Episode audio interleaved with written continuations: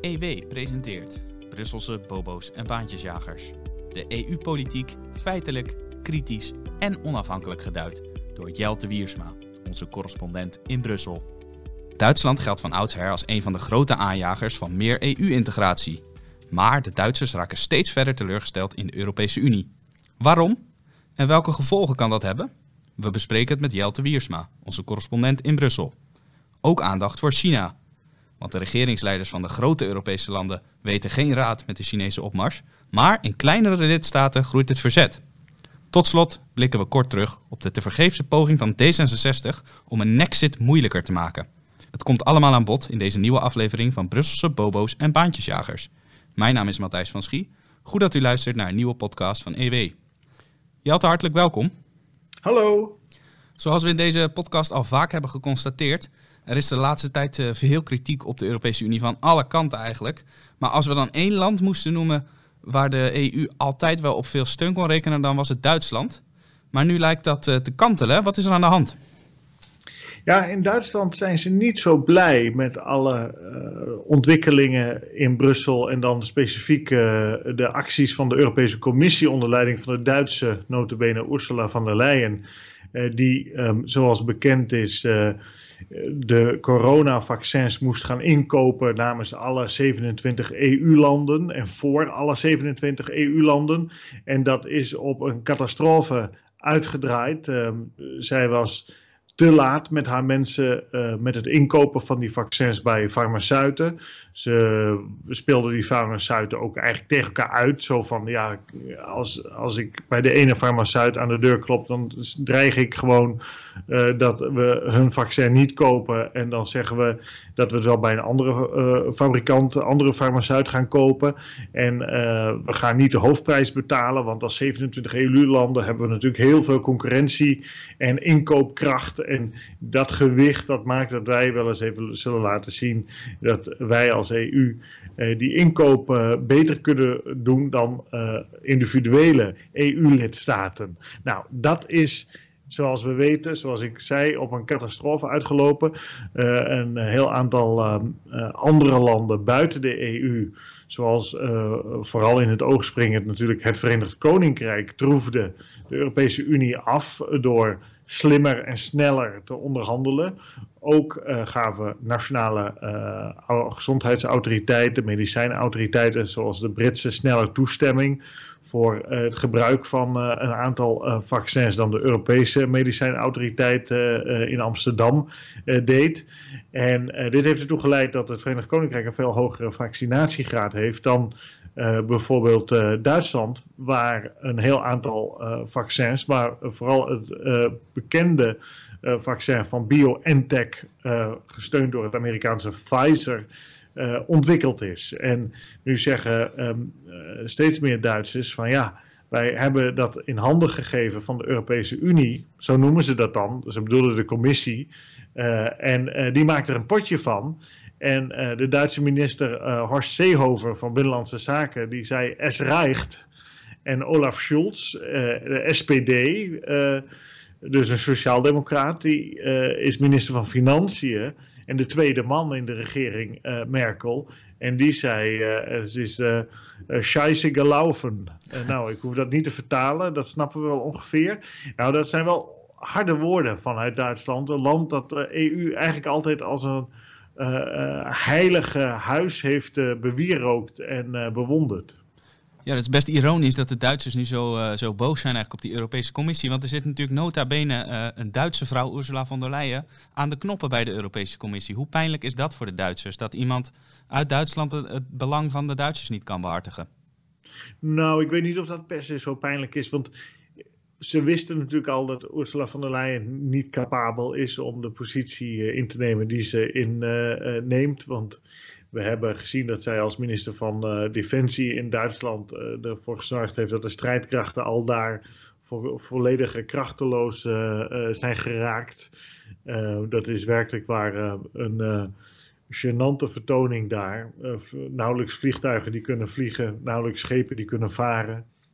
Dus in die zin eh, valt dat wel wat mee. Je stuurt ook geen topmensen naar Brussel, zoals we eerder al hebben eh, vastgesteld. En dat, dat doet Duitsland ook niet.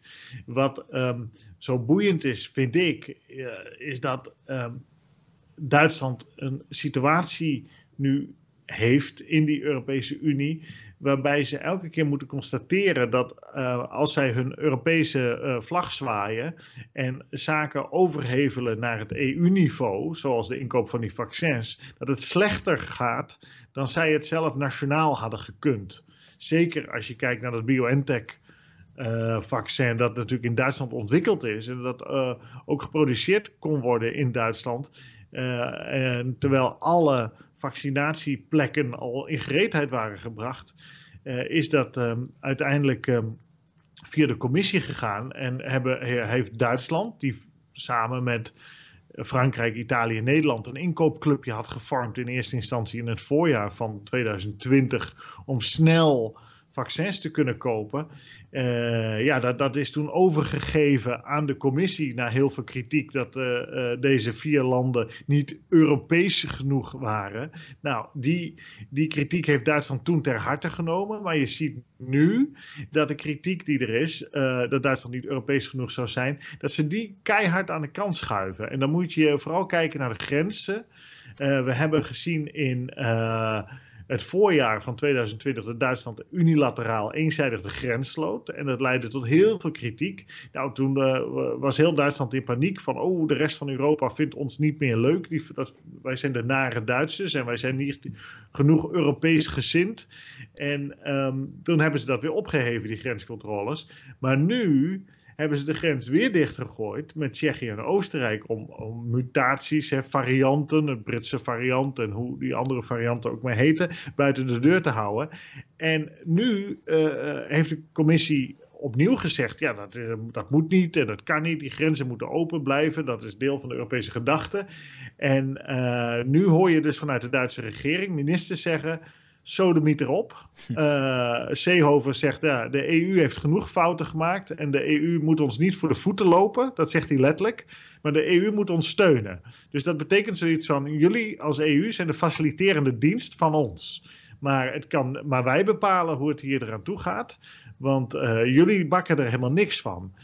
En dat is wel revolutionair hoor. Dat uh, dat soort uh, woorden klinken uit de hoogste Duitse regeringskringen. Ja, dat is een bijzondere draai inderdaad. dat Duitsland nu eigenlijk de Europese Commissie op de vingers stikt. omdat het de grenzen niet zou mogen sluiten. Want voorheen was het natuurlijk, denk aan het beroemde Wierschaffendas van Angela Merkel. Duitsland dat voorop liep in het Europa van de open grenzen. Ja, dat is zo fascinerend hieraan. Dat uh, die open grenzen zijn voor Duitsland heilig. Dat is ook omdat het Duitsland centraal ligt in de Europese Unie. Dat is ook omdat uh, mensen zoals Angela Merkel, de bondskanselier uit Oost-Duitsland komen en natuurlijk het trauma hebben van uh, opgegroeid zijn achter een grens, de Berlijnse muur en het ijzeren gordijn. Uh, en zo zijn er nog een aantal zaken, want er wonen natuurlijk ook nog altijd Duitsstaligen in Oost-Europa, met wie Duitsland toch openlijk contact wil houden. Dat speelt allemaal mee in die Duitse politieke cultuur. Dus open grenzen zijn essentieel lang geweest in hun denken over Europa, de Europese Unie. En David Cameron, de Britse premier van de Conservatieve Partij, is aan de vooravond in 2016 van het referendum uh, over in of uit de Europese Unie nog naar Merkel toegegaan en gezegd: Wij krijgen zoveel EU-immigranten binnen kunnen we daar niet iets aan doen? Want uh, dat is een van de redenen waarom er zoveel sceptisch is over de EU. En toen heeft ze keihard gezegd, nein, niet möglich. En uh, in 2016 of 15, een jaar eerder, hebben we natuurlijk de immigratie gezien van anderhalf miljoen mensen uit het Midden-Oosten, Afrika, Azië. van wie in, in dat jaar 2015 alleen al 890.000 in Duitsland En ook toen heeft Merkel gezegd: de grens gaat niet dicht. Uh, dat durfden ze niet. Daar is sprake van geweest. Is besproken in het Duitse kabinet op dat moment om de grens van Bayern met Oostenrijk dicht te gooien. Is niet gedaan. En uh, ja, dat ze dat nu wel doen, is uh, toch in die zin zeer betekenisvol. Um, en um, je moet je voorstellen in een groter perspectief hoe Duitsland altijd naar die EU gekeken heeft, uh, is mooi verwoord door Helmut Kohl. Die zei: uh, Wij willen een Europees Duitsland en geen Duits Europa. Dat is heel belangrijk in het Duitse denken. Ja, wat is het verschil? Dus, nou, het, het, verschil is dat um, Duitsland heeft natuurlijk een aantal keren geprobeerd uh, om tot een Duits Europa te komen. Dat behoeft verder geen uitleg. Dat weten we wel hoe dat gelopen is. Um, en als alternatief na de Tweede Wereld om weer opgenomen te worden in het menselijk ras, zoals Sir Humphrey Appleby, de beroemde uh, persoonlijkheid uit Yes Minister, de Britse serie, uh, ooit zei. Hè, terug in het, bij het menselijk ras wilde zij zich onderwerpen aan de Europese Unie, Europa, want uh, dan zou de angst van de rest van Europa voor Duitsland worden weggenomen en zou Duitsland weer een gewoon land kunnen worden tussen de andere Europese landen. De, eh, dus een Europees Duitsland was het idee. Dus Duitsland onderwerpt zich aan EU-regels, aan regels waar landen zoals Nederland en Portugal en weet ik wie ook allemaal aan mee uh, uh, werken, meeschrijven. Ja, want maar, het, het, Duitse nationalisme, dat is eigenlijk al, al decennia een taboe. Hè? We zien eigenlijk zelden Duitse vlaggen prominent in beeld in Duitsland. Zo is het, zo is het. Maar dat dat, dat is nooit het hele verhaal. Dat Europese Duitsland, waar Kool het over had, dat was net zozeer ook een Duits Europa. En dat moet je begrijpen via de volgende band. Denk bijvoorbeeld aan de regels rond de euro. Hè. Duitsland gaf zijn D-mark op voor een Europese munt, de euro. En die D-mark, die uh, hebben ze opgegeven met de eis dat de euro een kopie zou worden van de D-mark. En wat betekende dat? Eén, een onafhankelijke centrale bank. Twee, die moest in Frankfurt komen, in Duitsland, waar de Duitse centrale bank zit. En drie, die bank had maar één doelstelling: de inflatie stabiel houden op of rond de 2% per jaar. En uh, ja, dus dat was een, een, eigenlijk een een Duits dictaat aan de rest van de EU-landen uh, of eurolanden van als jullie een munt willen, dan gaat het volgens onze spelregels. Dus ze zeggen een Europees Duitsland, maar ze wilden op dat gebied een Europees Duitsland. Of een Duits Europa. Een Duits Europa. Dat is heel belangrijk. Dus ze zeggen het ene, ze deden eh, vaak het andere. Dat zag je ook bijvoorbeeld met uh, de structuur van hoe de Europese Unie economisch georganiseerd is. Dat is toch volgens de regels van het ordo-liberalisme, een bekend Duits begrip. Um, uh, dat is uh, ook te zien aan de interne markt, waarbij vooral producten, en daar is Duitsland natuurlijk heel goed in, vrijelijk over en weer verhandeld kunnen worden. Terwijl uh, diensten, daar, daar geldt dat veel minder voor. Waar landen zoals Nederland en het Verenigd Koninkrijk veel meer baat bij zouden hebben. Dus je ziet dat uh, Duitsland zegt. We willen een Europees Duitsland, maar als ze aan de onderhandelingstafel in Brussel zitten, willen ze Duitsland wel inkleden volgens Duitse wensen, Duitse reflexen, Duitse belangen. En uh, Helmut Kohl die heeft ook wel eens uh, op een EU-top gezegd van uh, ja, het is wel leuk allemaal wat jullie willen, maar wij betalen, dus wij bepalen. Dat is natuurlijk ook zo. Duitsland is in absolute aantallen euro's de grootste netto-betaler aan de EU. Maar um, dat Duitse Europa, wat eigenlijk de wens is van Duitsland nog steeds, niet op negatieve manier per se, maar vanuit de gedachte van wij hebben hogere standaarden dan de rest van de EU-landen. Een lichtend voorbeeld eigenlijk voor de rest. Exact, wij zijn een lichtend voorbeeld en de rest kan zich aan ons optrekken. Uh, Zuid-Europa dan vooral economisch, hervorm langs Duitse lijn. Dan kunnen jullie ook welvarender worden. Voor Oost-Europa is heel erg van, kijk, wij hebben in West-Duitsland Oost-Duitsland erbij genomen en Oost-Duitsland gedemocratiseerd. En nu kunnen jullie als Oost-Europa ook democratiseren en zo. Maar dat stuit dus op weerstand in de rest van Europa. We hebben gezien in de Europese Centrale Bank, in het bestuur daar, dat Zuid-Europa de meerderheid heeft. En heeft eigenlijk die hele Duitse Europese Centrale Bank uitgekleed en er een Zuid-Europese centrale bank van gemaakt, waar massaal geld wordt bijgedrukt om landen te redden die uh, geen fatsoenlijk begrotingsbeleid en economisch beleid voeren. Je ziet dat Oost-Europa rebelleert als het gaat om democratie. Dan heb je het natuurlijk vooral over uh, Polen en Hongarije, waar onafhankelijke rechtspraak, onafhankelijke media en ook de wijze waarop verkiezingen worden gehouden, toch wel met een paar vraagtekens kunnen worden omkleed, om het voorzichtig te zeggen. Um, en um, dat uh, Duitse uh, Europa, dat komt dus eigenlijk niet zozeer van de grond. Sterker nog, het gemiddelde van uh, Europa, van de Europese Unie, dat is eigenlijk wat de Europese Unie is. Dus je krijgt niet het Duitse niveau of het Nederlandse niveau op heel veel vlakken. Nee, je krijgt een gemiddeld niveau of, of, zelfs een ondergemiddeld niveau op allerlei gebieden. Dus die Europese en, Unie is eigenlijk een soort nivelleringssysteem. Absoluut, absoluut. Je ziet dat met de transfers van geld van Duitsland en ook Nederland uh, naar Oost-Europa vooral. En je ziet dat natuurlijk uh, via de EU-begroting. En je ziet dan met het corona-herstelfonds van 750 miljard. Dat was vooral gefocust op Zuid-Europa, Italië dan voornamelijk.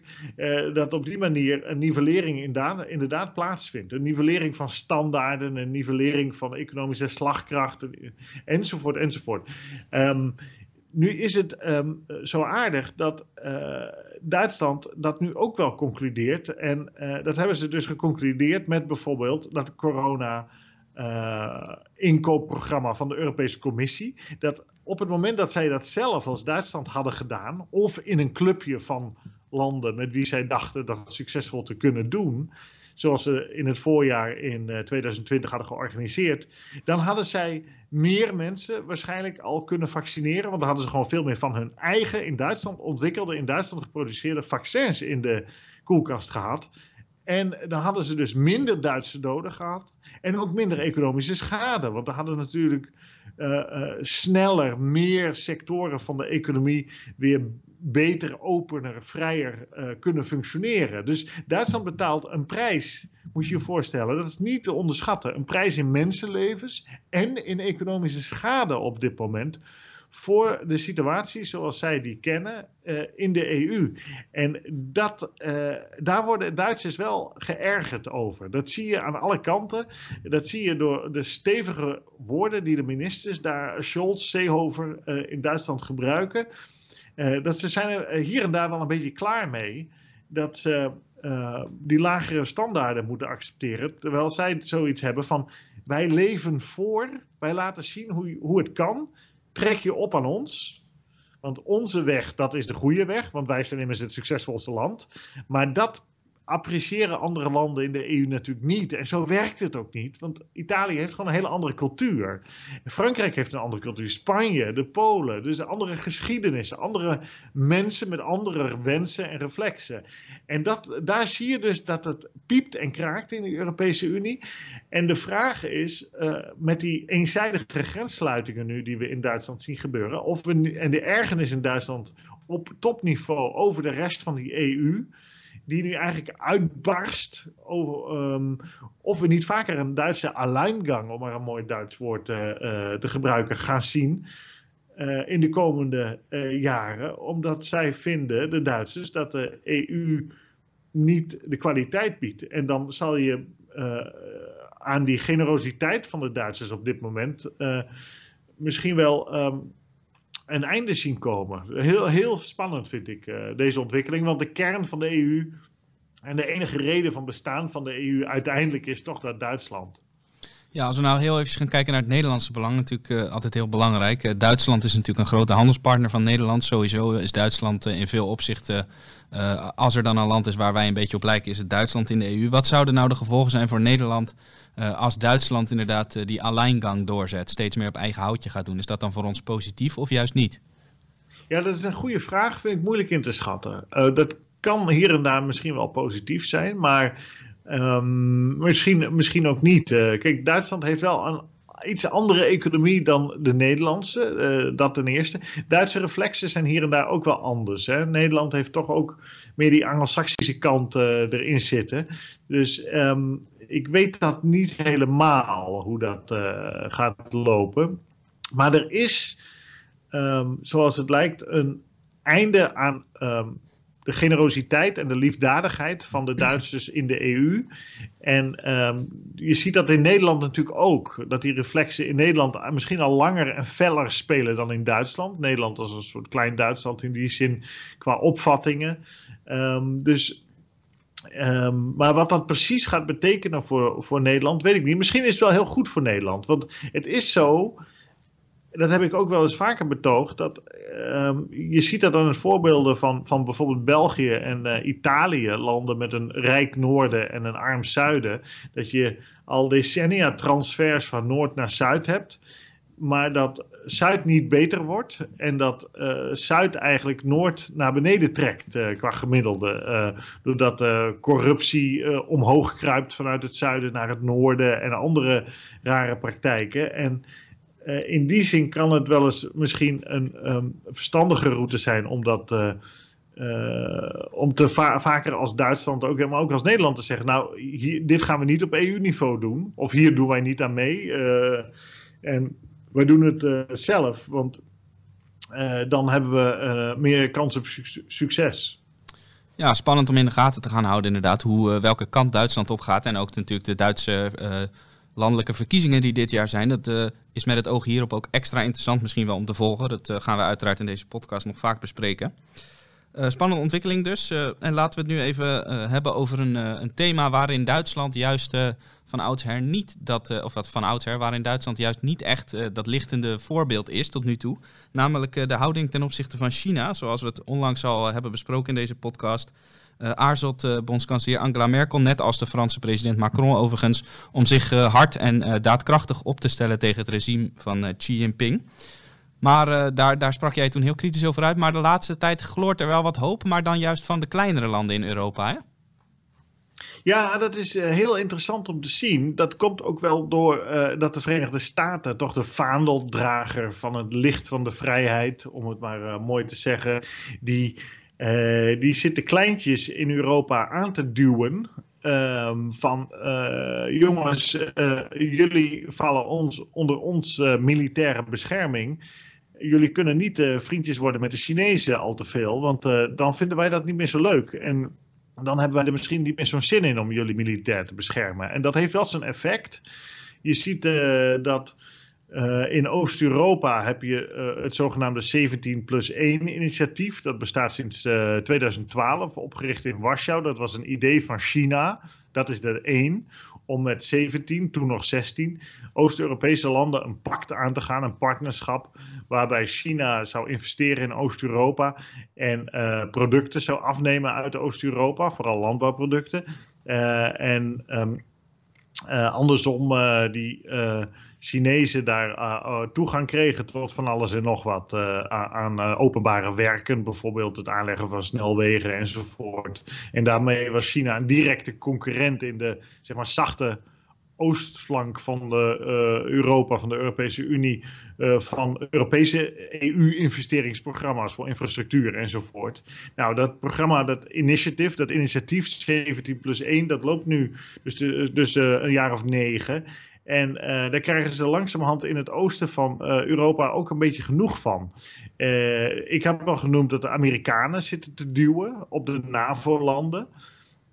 zoals de Baltische Staten. Maar je ziet ook dat China maakt niet waar wat ze belooft. Dat is hm. eigenlijk altijd zo. Xi Jinping, de Chinese president-dictator van de Communistische Partij, die belooft altijd van alles, uh, maar maakt uh, die investeringen die hij belooft eigenlijk nooit waar. Maakt ook bijna nooit waar uh, wat hij dan belooft of zegt uh, of toezegt dat bedrijven uh, hun spullen naar China mogen verkopen.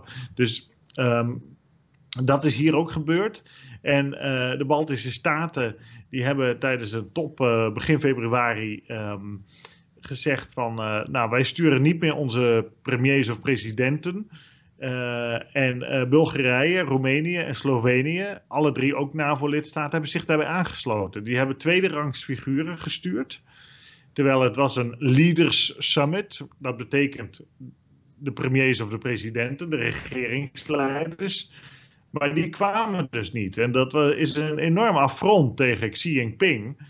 Uh, die, die daar wel kwam opdraven. Dus ja. um, deze situatie Was China eh, hier boos over? Hebben ze bijvoorbeeld gedreigd om allerlei investeringen stop te zetten? Of uh, is het zo vaak? Ja, ze waren er heel erg geërgerd over. Want het was natuurlijk een gezichtsverlies. En dat is in die cultuur ook iets uh, dat als heel erg vervelend wordt ervaren. Wat, wat um, zo aardig is, is dat meer kleinere landen deels onder druk van de Amerikanen, toch eieren voor hun geld gaan kiezen. Gelukkig maar. En uh, zeggen uh, de Chinees buiten de deur. En uh, het meest in het oog springt natuurlijk Zweden. Dat als eerste en enige land tot nog toe expliciet heeft gezegd. via de telecomautoriteit: wij willen Huawei en ZTE, dat is een andere telecomfirma uit China, niet in ons netwerk hebben van 5G. Dus um, er zijn veilingen om 5G-frequenties uh, uh, te verkopen en, of te, leasen. En zij mogen, Huawei en ZTE mogen niet meedoen. Er mag geen apparatuur van deze firma's in. Um, en dat gaat naar Ericsson, een Zweedse firma. En je ziet dat in Zweden ook al wordt gezegd: wij moeten stedenbanden gaan opze opzeggen met Chinese uh, steden die wij onderhouden. En je ziet uh, dat de universiteiten onrustig worden. Die hebben vaak ook massa's geld aangenomen van de Chinezen. Om, en daarmee hebben die universiteitsbesturen zich eigenlijk laten omkopen. Je ziet dat uh, niet alleen in Zweden, maar in, in de hele westerse wereld zie je dat. in Nederland ook Universiteit Leiden, Universiteit Groningen. Nou, je ziet al dat Leiden, het Confucius Instituut, dat is zo'n eh, zo'n spionageclub en, en, en boevenclub eigenlijk van uh, Xi, die is al gesloten in 2019. Dat is een lichtpuntje dan. Uh, in Groningen zie je bijvoorbeeld dat het Confucius Instituut nu onder druk van studenten mogelijk ook dicht gaat. Studenten zeggen dat kan niet dat wij zo'n instituut hier hebben, want dat is van een repressief regime dat genocide pleegt op de islamitische Oeigoeren in West-China. Dat is een perfide regime. Ik noem het altijd een horrorregime uh, van Xi Jinping. Dat is het echt. Dat is verschrikkelijk. Dat, ja, mensen hebben niet in de gaten soms nog wat voor horrorregime dat is. Waarbij die Oeigoeren worden uitgeroeid. Hè? Daar hebben we het over. Er worden mensen, uh, Oeigoerse dames verplicht geaborteerd. Het geboortecijfer uh, van de Oeigoeren is nu zo laag dat uh, die mensen sterven gewoon uit op den duur. En dat is genocide natuurlijk, een vol volkerenmoord. Dat volk wordt uitgemoord binnen de grenzen van China. Um, ja, Amerika uh, aarzelt niet om, uh, om dat uh, beestje bij de naam te noemen. Maar dus de grote EU-landen als Duitsland en Frankrijk, zoals onlangs al besproken wel. Wat zegt het dan dat die landen eigenlijk de kleintjes, de kastanjes uit het vuur laten halen tot nu toe? Nou, het is niet zo dat de kleintjes de kastanjes uit het vuur halen, maar het lijkt wel. Uh, de kleintjes zijn natuurlijk gevoeliger voor druk van Amerika. Dat moet je ook uh, ja. voorstellen. De Baltische staten zijn natuurlijk heel gevoelig. Die zitten in de NAVO en die weten zonder de NAVO, zonder Amerika, want de NAVO is Amerika natuurlijk, pikt uh, Rusland ons misschien wel in, net zoals de Krim is ingepikt. en dan uh, ja, dan bestaan wij niet meer. Nou, die uh, realiteit uh, zie je in meer kleinere landen. Zweden is natuurlijk ook een moralistisch land. Dat speelt heel sterk daar ook in de cultuur mee. Protestants, die vinden dat ook allemaal heel ongemakkelijk.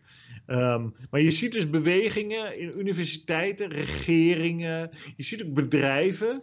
Het gekke is wel dat uh, Ericsson, die speelt dan weer dubbelspel, een Zweeds bedrijf. Die zegt, ja, dat vinden we helemaal niet goed dat Huawei geweerd wordt uit Zweden. Want we hebben uh, daardoor straks geen toegang misschien meer tot de, tot de Chinese ja. markt. En dat is een vrees die wel bij heel veel blijft spelen. Ook bij regeringen, dat er export naar China stil zal vallen. Omdat China die bedrijven niet meer toelaat op het moment dat er allerlei beperkingen komen aan Chinese bedrijven die uh, in Europa opereren. Snap jij die vrees uh, of zeg jij van nou dat, dat moet dan maar? Ja, dat moet dan maar. Daar ben ik heel simpel in. Uh, allereerst, er is een handelstekort met China. Dus China heeft meer te verliezen dan Europa en Amerika dat hebben. Uh, twee, uh, je kan niet dit land laten blijven bestaan met het regime zoals het heeft. En dan dat regime alsmaar rijker maken door handel met hem te, hen te drijven. het is een criminele gangsterregime zij stelen massaal uh, bedrijfsinformatie. Ze bespioneren mensen overal ter wereld. Ze laten mensen verdwijnen. Hè? Uh, ze, ze liegen en bedriegen over uh, het uh, virus, het coronavirus, uit, dat voor zover we weten uit Wuhan komt. En daar hebben ze de Wereldgezondheidsorganisatie laatst op bezoek gehad. En dat was een, een, een schijnvoorstelling. Die Wereldgezondheidsorganisatie is gewoon deels omgekocht door de Chinezen, die daar de grote donateur van zijn. Ja, die hebben nu gezegd, uh, de WHO, van misschien komt het toch niet uit China, dat uh, coronavirus. Ja, de WHO die zegt dan, de Wereldgezondheidsorganisatie, een, een, een VN club is dat uh, van, oh, misschien komt het toch niet uit China. Ja, uh, Amahula, als je zoveel geld van ze aanneemt. Nou dus dat is een negatief punt nog altijd. Maar je ziet dus dat heel veel kleinere landen, universiteiten, bedrijven, langzamerhand gaan draaien. En uh, onder druk van de Verenigde Staten ook omdat er toch morele reflexen in het Westen bestaan. Gelukkig maar, dat is ook goed.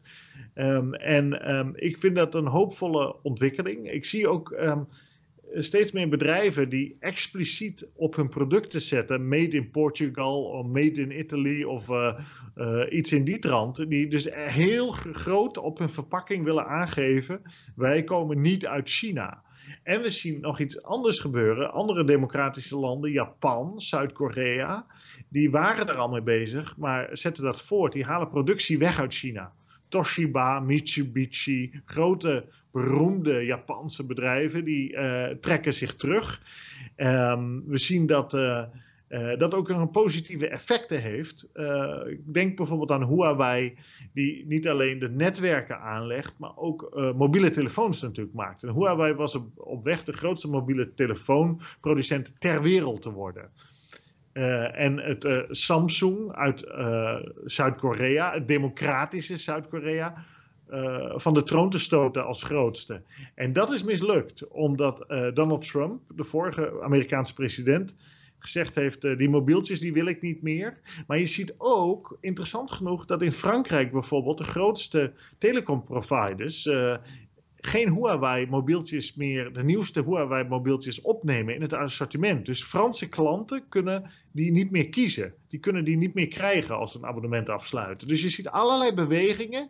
En Samsung blij, uh, of Huawei heeft daar, daardoor uh, uh, veel minder mobiele telefoons verkocht. En Samsung blijft daardoor verreweg de grootste ter wereld. Dus een bedrijf uit een democratisch land uh, dankzij de Verenigde Staten blijft verreweg de grootste. En dankzij ook wel stapjes van bedrijven, burgers, universiteiten nog wat enzovoort. Uh, um, uh, zie je dat China, nou, China langzamerhand wordt buitengesloten. Het gaat allemaal heel traag, het gaat met kleine stapjes, maar er zijn heel veel positieve signalen. En wat wij moeten doen natuurlijk, dat doen wij ook bij Elsevier, is om mensen die toch geld aannemen van China, zoals nog altijd de universiteit in, in, in Leiden, voor zover we dat weten, maar ook bijvoorbeeld Nout Welling, waar hoofdredacteur Arendo Joustra nog een verhaal over heeft gemaakt die zo enthousiast is over China, maar ook geld aanpakt van China, dat je die mensen in de, uh, de spotlights uh, zet en zet, laat zien dat dat de verkeerde figuren zijn. dat deze mensen op het verkeerde spoor zitten. En dus naming en shaming, zeggen ze dan in het Engels. En dat gebeurt uh, gelukkig steeds meer en dat heeft ook zijn effecten. Dus het is een combinatie, naming en shaming. Consumenten die ook geen, geen spullen uit China altijd meer willen. Amerika's druk. Dus um, een aantal positieve ontwikkelingen. Ging het maar sneller, want China moet uiteindelijk bevrijd worden. Dit is een, een bevrijdingsstrijd. Hè? Het is een strijd om vrijheid en een bevrijdingsstrijd uh, van het communistische regime, de communistische dictatuur, uh, die, die mag niet continu, gecontinueerd worden in dat China, waarbij toch 1,4 miljard mensen onder zo'n repressief, moorddadig regime leven. En uh, de enige manier om dat te doen als, is om als democratische landen daar uh, tegen op te staan en te voorkomen dat China macht en welvaart verder kan ontwikkelen. En uh, uh, ik zie lichtpuntjes en dat is heel hoopvol. Ja, dat is zeker hoop voor. Inderdaad, zo zie je maar weer dat onze podcast, wat wij ook terugzien in de statistieken, over heel de wereld eigenlijk wordt beluisterd. We zien echt in de meest verre landen dat er luisteraars zijn. En nou, dat blijkt, want hetgeen wat jij nu ziet gebeuren, dat heb je eigenlijk al maanden bepleit in deze podcast. Zo zie je maar weer. Al die moeite is niet voor niks. Rijkte ons stem maar zo ver. Was ja, we moeten ambitieus zijn, hè, Jelte. Ook in China uh, te horen was. Hè? Ja. Dat, uh, ik hoop, uh, want kijk, de grote tragiek hiervan is, er wordt vaak China gezegd, maar we moeten altijd zeggen Xi Jinping en de communistische partij. Hè? Ja, dat, is, dat, nuance, dat, is de, dat zijn de foute jongens.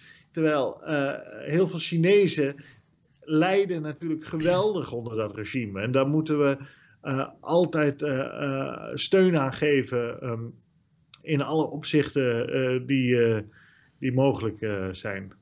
Zo is dat. Nou, in ieder geval uh, hoopvolle signalen dus. Uh, we houden in de gaten hoe dat zich voortzet. Hey, laten we het tot slot nog even hebben over een onderwerp dat we vorige week ook al behandelden.